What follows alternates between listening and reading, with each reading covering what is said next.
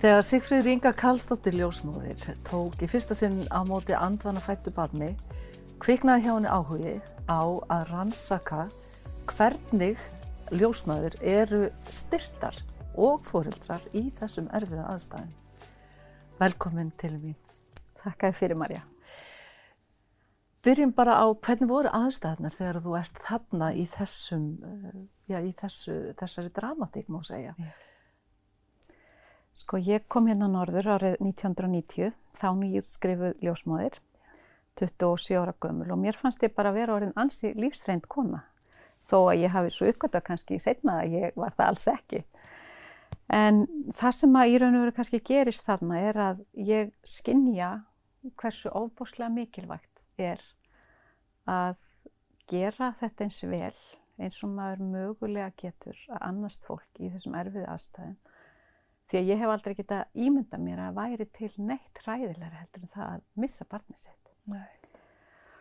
Og ég fekk svona kannski bara mjög mikinn áhuga því að reyna að vita meira uh, hvað konur ætlast til af ljósmarum. Hvernig þær vilja við séum, hvernig við önnumst þær og það í raun og veru var svona fyrsta alvöru rannsóknin mín mm.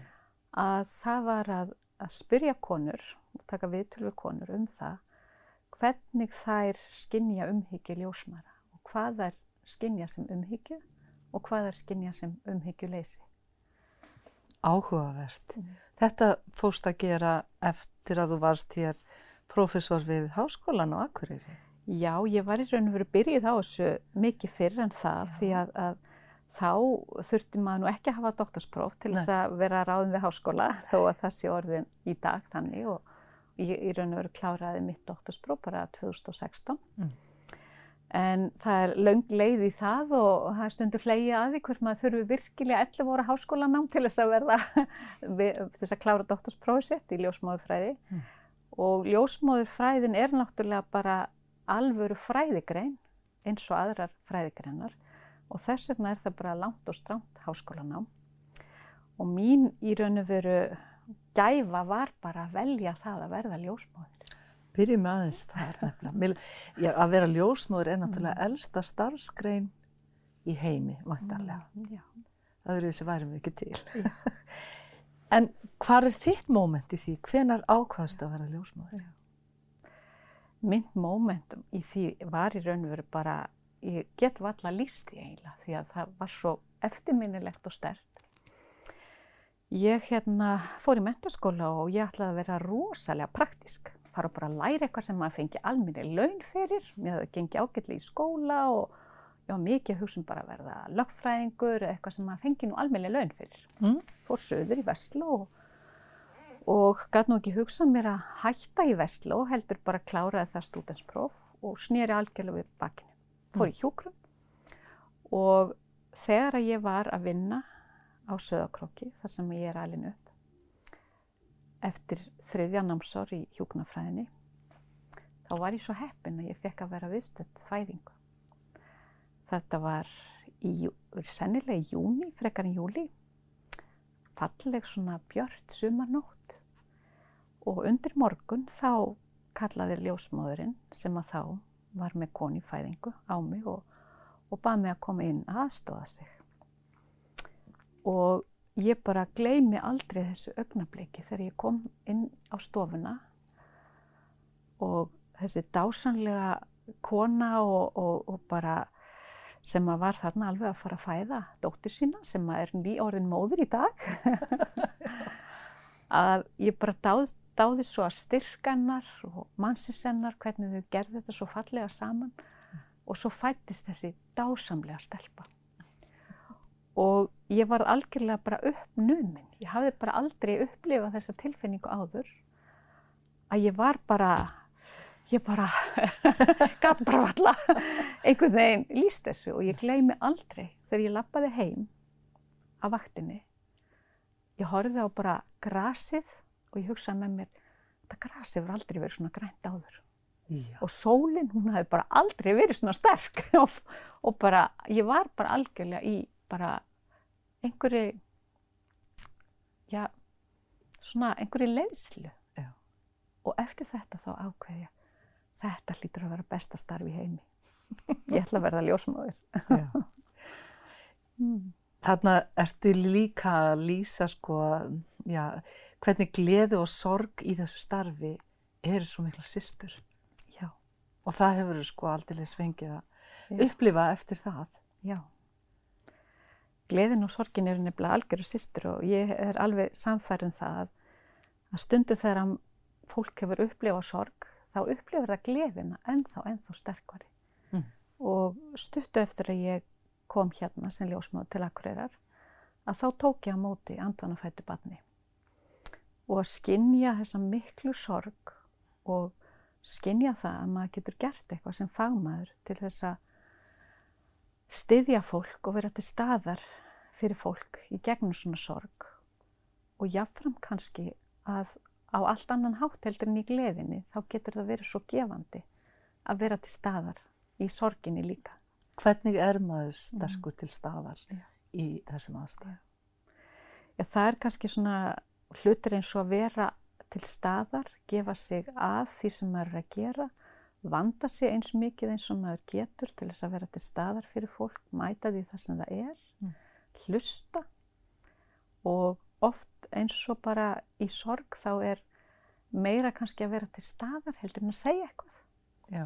Að vera í mhm. staðan fyrir að tala og það finnst mér ég hafa lært svona í gegnum árin. Mm. Nú hef ég starfað bæði sagt, sem ljósmáður á stopnun í heimafæðingum, verið með fóreldrafræslu námskeið og heimaþjónustu mm. og ég hef líka starfað sem háskólakennari. Og þetta fléttast allt alveg ansið vel saman. Já, en er ekki óskaplega mikilvægt að verið með góða reynslu af starfinu sjálfu til þess að geta mm. orðið svo góðu leiðbeinandi mm. í háskóla. Já. Ég held að það hafi hjálpað mér og ég hef náttúrulega gegnum árin stundum verið með sömu koni í meðgöngavend. Hún hefur komið á fóreldrafræsli námski hjá mér. Ég hef tekið á móti hjá henni, sendt henni í heimaþjónustu eftir fæðingu og verið kennarinn hennar í háskólan. Nei, hvað sér? Og þetta er svona samfella sem er náttúrulega alveg væri ættial. Já. En á einhverjum tímapunkt, ef við förum að þessi söguna, þetta var náttúrulega bara fæðingar voru og dauði, þetta var svo eðlilegur hlut af lífin okkar og, og, og, og kannski voru við flinkari að takast á við áföll og sorgir hér áður fyrir. Mm. Við höfðum einhvern ritual í raun og veru til þess að grípi í. Yeah. Svo á einhverjum tímapunkti verður þetta svona, mér líka að segja sjúkdómavægt að, mm. að eignast börn. Já. Hvað gerði það mm. okkur? Já. Sko auðvitað gerði það sumt gott vegna þess að það verður auðvitað að segjast alveg eins og er að, að sumar konur eru veikar og sum börn er í hættu ef við beitum ekki allir þeirri tækni sem við búum yfir í dag. Mm. En það sem við gerðum kannski þegar að fæðingarnar fóru inn á sjúkrahús, að við settum líku við allar fæðingar svolítið í sama hatt, undir sama hatt. Mm. Og við fórum í raun og veru að sjúkdómsvæða þetta eðlilega ferli að fæða barn í staðin fyrir að beita tækni og þekkingu tengt henni í þeim tilfellin sem það þurfti. Mm. Og í dag eru bara í kringum 2% hvenna sem að fæða heima. Það hefur aðeins verið að auka stundafarin ár, pínulítið. Og landlæknisembættið hefur gefið út svona viðmið um það hvenar það er óhætt að fæða heima. Já. Og þannig að landlæknisembættið hefur stutt við val hvenna. Mm. Mm. En þetta eru fáar konur sem fæða heima. En það er, skiptir almáli þar það er að að verðaldi fóreldrum líði vel með það ákverðin að ætla að fæða heima Já. og allt sé auðvitað eins eðlilegt eins og hægt er. Já. Það skiptir máli. Já. Já. En segðu mér, af því við tölum áðan um þetta að vera til staðar, hver er til staðar fyrir ljósmóðurina mm. þegar eitthvað gerist? Já. Ég hérna uh, hef gert tvær rannsóknir með nefnum á því hvernig ljósmaður í raun og veru upplefa áföll í fæðingu. Mm. Og það hefur verið þó að ég hafi lang, lang mest rannsakað í raun og veru hvernig konur upplefa fæðingu og sásöka í fæðingu og hvað það er að gera. Mm. Þá eru þessar tvær fæðingar svona, hvað að segja, svona svolítið sérstakar af því þetta hefur ekki verið rannsakað áður, kannski af því að þetta er pínlítið viðkvæmt. Já, hvernig það? Að svona við viljum ekki mikið vera að tala um það sem er erfitt í, í hérna okkar starfi. Við viljum bara tala um hvað þetta sé geggjaslega gaman að taka móti börnum sem það auðvitað er. Jú, jú. Og algjör forréttindi að fá að vera viðstödd svoleiðis uh, móment í lífi fólks. Já. En ég fekk áhuga á þessu einfallega vegna að ég þekki ljósmaður sem hafa hægt að vinna við ljósmaðurstörf eftir alvarlega atviki fæðingu. Ljósmaður sem voru bara framúskarandi fagmenn og miklar fyrirmyndir mm. að þær hafa hægt eftir svona alvarlega atvik. Það er sorglegt. Þannig að við tókum við til við ljósmaður og fórum að spurja hvað í raun og veru hefur verið hjálplegt og hvað ekki. Já. Og þá kemur í ljós í raun og veru að þessi jafningastuðningur, það geta talað við annað fagfólk sem skynur nákvæmlega hvernig þið líður í hvaða staðu þú ert að það skiptir mestu máli og svo að fá faglega aðstóð, að sé í bóði mhm. einhvers konar faglega aðstóð, aðstóð til þess að vinna úr þessum áföllum. Þegar það er kannski í mómentinu í þessum aðstæðum, þá þarf ljósmóðurinn að vera svo sterka, Já. sterkasta Já. og halda yfir sín og öllu Já. og hvað svo. En hvað er það, hvernig hefur verið brúðist svo við niðurstöðum þessara rannsóknarðinnar? Sko ég var í samvinnu við uh, ljósmáður sem að uh, í raun og veru bjóð til verklasreglur mm. inn á landsbytalannu til dæmis mm. um það hvernig á að bregðast við. Og það er orðið meir og meiri vitund um það hversu nöysenlegt er að halda vel útan um starfsfólki þegar áföll verða innan heilbrískerfisinn sem betur fer. Já. Og það hefur breyst alveg rosalega mikið finnst mér mm. undanfærin ár. Og Hvernig, hvernig hefðu þú til dæmis, ef við tökum þína reynslu þarna nýjútskrifuð, hvað fannstu að þú hefðir þurft að fá? Já, sko mín reynsla í raun og veru af því að vinna úr því bara þegar að, þegar að maður er ungur og mm. kannski hefur litla reynsla af sorginni mm. og líka finnur náttúrulega alveg óstjórnlega mikið til með foreldrinu sem er að sjá eftir litla barninu sínu og jafningastöningur það er veru að setja ekki utanum mann að maður sé geti rætt atvikið, maður finni að það sé einhver til staðar fyrir mann, það er veru það sem ég held að sé langmest heilandi fyrir mann þegar maður lendir í alvarlegum atvikum í fæðingu. Við skulum stoppa hérna, taka smá auglýsingar hlýja og halda svo áfram eftir stuttastönd.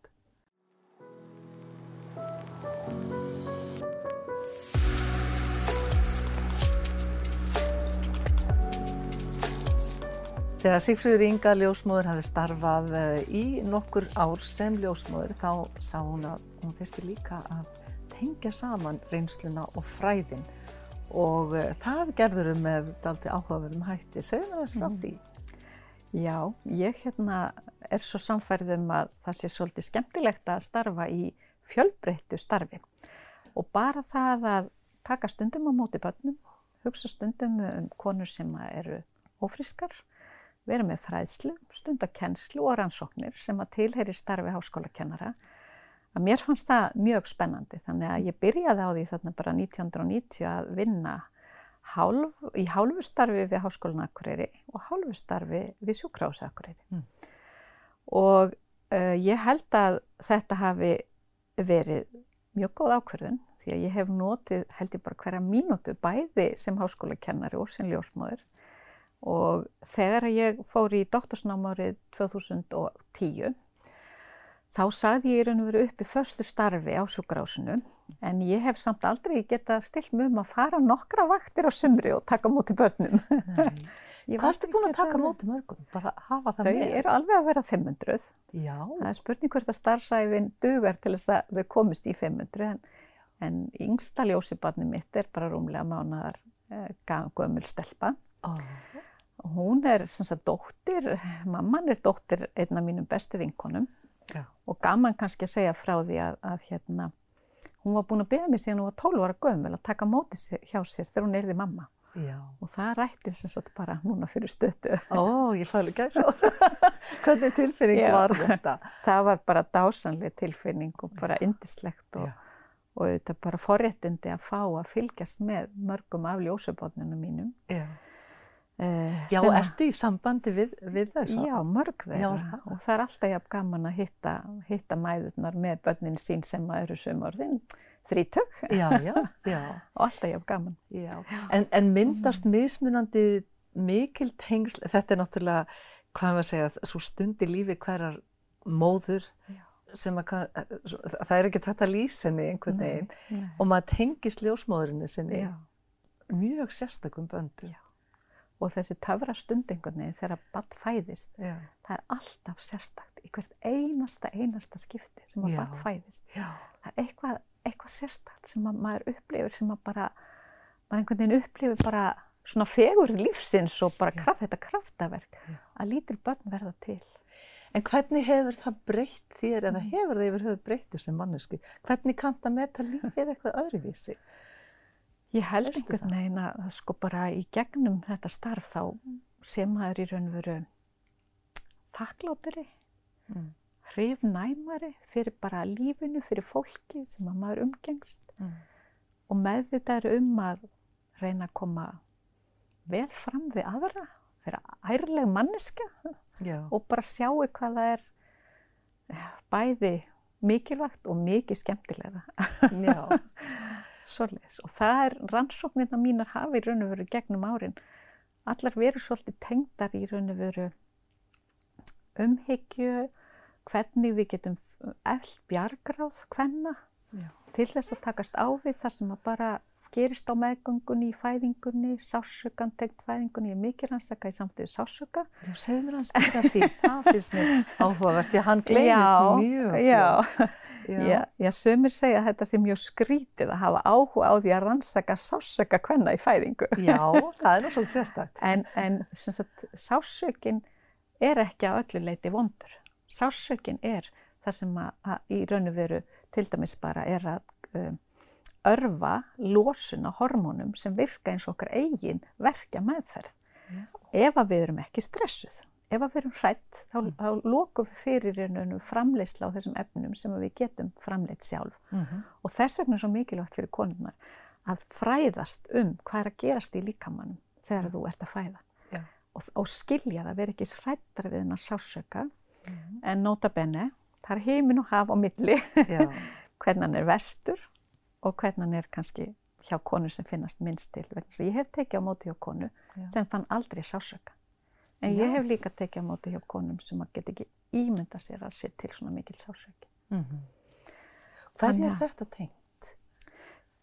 Hvað sé, hverju er? Hverju er þetta tengt? Af hverju, Já, af já. hverju upplifa sumir svona óbúslan sásöka? Við í raun og veru kannski vitum ekki alveg nákvæmlega hvað það er, en Nei. þetta er í raun og veru bara eins og bruni í frumum, bara eins og nákvæmlega eins og þegar þú ert í rektinni og allt á fullu og þú ert fann að fá mjólkusýrur í vöðvana, Mm -hmm. því að leiði sjálft er í raun og veru bara eitt stór vöðvi, en það sem að kemur svo inn í, það er sko hvað þetta tekur langan tíma. Já, Sumar konur eru tvo tíma fæða með slæmaverki, annar, aðrar konur eru kannski 10-12 tíma með slæmaverki. já, Sumar eru illa, kannski kvildar, aðrar eru vel upplagðar Mhm. og allt þar á milli og svo skinnjum við líka mis, misjant hvernig við skinnjum hvað við getum gert til þess að takast á við sásökan. já, þetta er áhugavert. Já. Að, En þú hefur ferðast mjög mikið í tengslu Mhm. við starfið þitt og fræðst og verið í tengslu við marga prófessor og, og doktor út um allan heim í, í þessu segna svo því. já. Kannski bara svona það sem er nýjast, það sem ég hef mjög gaman af að ég er sagt stjórnandi í rannsóknarhópi sem að í eru bara fullt af mismunandi fagstjættum. Mm. Við erum ljósmaður og hjúknafræðingar, sálfræðingar, félagsfræðingar, arkitektar uh, meðal annars og erum að rannsaka, við erum rúmlega 100 manns í Evrópu Mm. og erum að rannsaka í raun og veru áföll í fæðingu út frá mismunandi sjónarhóknum. Áhugavert. Já, og við hittumst tvisar á ári og vinnum í minni semst, vinnuhópum þess á milli og ég er semst, stjórnandi í einum svona vinnuhópi. Og við, við erum í raun og veru að semst, skoða þetta ekki bara út frá ljósmærum eða út frá konunni, heldur út frá semst, maka, út frá læknum, út frá sálfræðingum, út frá börnunum Mhm. og svo erum við að halda ráðstefnur og vinnusmiðjur til þess að svona reyna að auka vitund um sagt, hversu mikilvægt það er að reyna að fyrirbyggja og vinna með svona áföll. Þannig að við séum ekki og fólk sé ekki að burðast með þessi áföll eitt þar sem eftir er lífsins. Segð mér aðeins um, um bara að þú segir arkitekt, hvar, hvar eru þeir inn í þessu? Já, það, ég kváði mitt fyrst þegar hérna, hérna, ég kynntist þeim sem eru, það eru tveir arkitektar í þessum hópi. Og þær hafa verið að skanna það hversu mikilvægt það er að fæðingarstofan sé hönnuð hannig mm. að hún hveti konurna til þess að reyfa sig í sem mest í fæðingunni en ekki þannig að það sé bara eitt rúm á miðju, miðju gólfinu eins og var hérna á fæðingarstofum. Mm. Hvað þá þegar það voru óþægileg, ömurleg rúm sem enginn langaði að leggjast í. Að, sagt, þetta er það sem þær eru að rannsaka yeah. og sagt, bara það að hvetja konu til þess að reyfa sér í fæðingunni, það eigur líkur á því að fæðingi verið eðlileg, að konu nái að fæða og það þurfa ekki að hjálpa. Þannig að bara þetta getur, getur skiptið miklu máli. En skiptir ekki ofbúslega miklu máli að fá þennan fróðleik frá ólíkum löndum og reynsluna og allt það? Er ekki margt að koma þér óvart af þekkingun annar staðar? Jú, það er það í raun og veru og þó að í raun og veru við búum vel hérna á Íslandi mm. og við erum bara almennt mjög vel mentuð og framalega í ymsu, til dæmis eins og bara það ungbarnadauði er með því eða er legstur í heiminum hér á Íslandi Já. og partur er auðvitað bara almennt gott heilsufar og auðvitað góð þekking. En svo þar þurfum við líka að taka okkur á mm. að við þurfum að passa að nota tæknina skinsanlega vegna þess að hér á Íslandi eins og á mörgum öðrum stöðum þá er til dæmis gangsetningatíðni hjá konum aukist ár frá ári mm. og það að íta á eftir konu í fæðingu, leifin ekki bara í eins og flestum tilfellum er best þegar það er ekki einhver sjúkdómur eða eitthvað sem ítir að eftir þessu að leifa líkamann sjálfum Já. að fara af stað og fæða barni sitt jáfnvel þó konan sé orðin þreytt og búin að fá alveg nóg og mm. við skiljum það algjörlega Já. að þá er bara best útkoma úr fæðingum ef að konan er heilbrigð og barninu óhætt ef að konan fyrir sjálf á stað mm. En mér langar að segja það eins fór ferðarlegunum líka. Gerðu það. Við verðum að fá að enda ferðarlegunum. Það er, segðu mér. Ég hef stundu sagt að hérna, þetta eru forréttindi að, að vera að vinna í háskóla og gera rannsóknir í tengslum við basfæðingar því að ég hef fengið ótal tækifæri. Mér hefur verið búið til Mexiko, til Ástralíu, til Bretlands til Ítalju, til Færiða oh. og nú er ég að fara til Berlínar til þess að kenna og, og vera með erindi bara í næstu viku. Mm -hmm. Og fyrir fólk sem hefur gaman að því að ferðast þá er þetta mikill bónus Já. og sínir kannski bara hvað ljósmarastarfið er óbóslega fjölbreytt. Mm. Það fælst ekki bara í því að taka múti börnum, heldur líka að auka við þekkingu innan ljósmarafræðinar og njóta þess að ferðast og hafa gaman í leiðinni. Segðu mér svona, hvar, hvar sérðu þig eftir nokkur ár? Hvar, hvar mm. langar þig þegar þú stendur upp einhvern veginn í loklífs, hvað viltu mm. hafa náð Já. fram í, í þessu allir? Já. Ég held að það sem ég hef verið að gera með flestum rannsóknunum mínum, það er að reyna að benda á það sem er svo rosalega mikilvægt í allri umönnun, hvort sem að það eru við konur í fæðingu eða bara almennt innan heilbríðskerfisins mm. að mynda þessi tengsl við skjólstæðingun okkar, uh, bera virðingu fyrir þeim, uh, haga okkar ummönnun svolítið á fórsöndum skjólstæðingana, grípa ekki endalust fram fyrir hendurnar og ákveða hvað er best fyrir okkar skjólstæðinga, heldur að hafa þá með í ráðum, hlusta á þá, uh, hafa okkur þannig að við ávinnum okkur tröstera því þá virkar þetta allt svo mikið, mikið betur. Mm. Hvernig finnst þér ungar ljósmaður verið í dag meða við, já, fyrir bara 30 ára? Mm. Mér finnst það bara algjörlega frábærar. Yeah. Og fyrir 25 árun þegar ljósmaranám fór inn í háskóla, mm. þá urðu í raun og verið ákveðin þáttaskil í, í, hérna, í mentun ljósmara. Mm. Því að þá fór námið að byggja meira á fræðum og það var farið að skoða þekkingu sem kom frá mismunandi sjónarhóttnum, mm.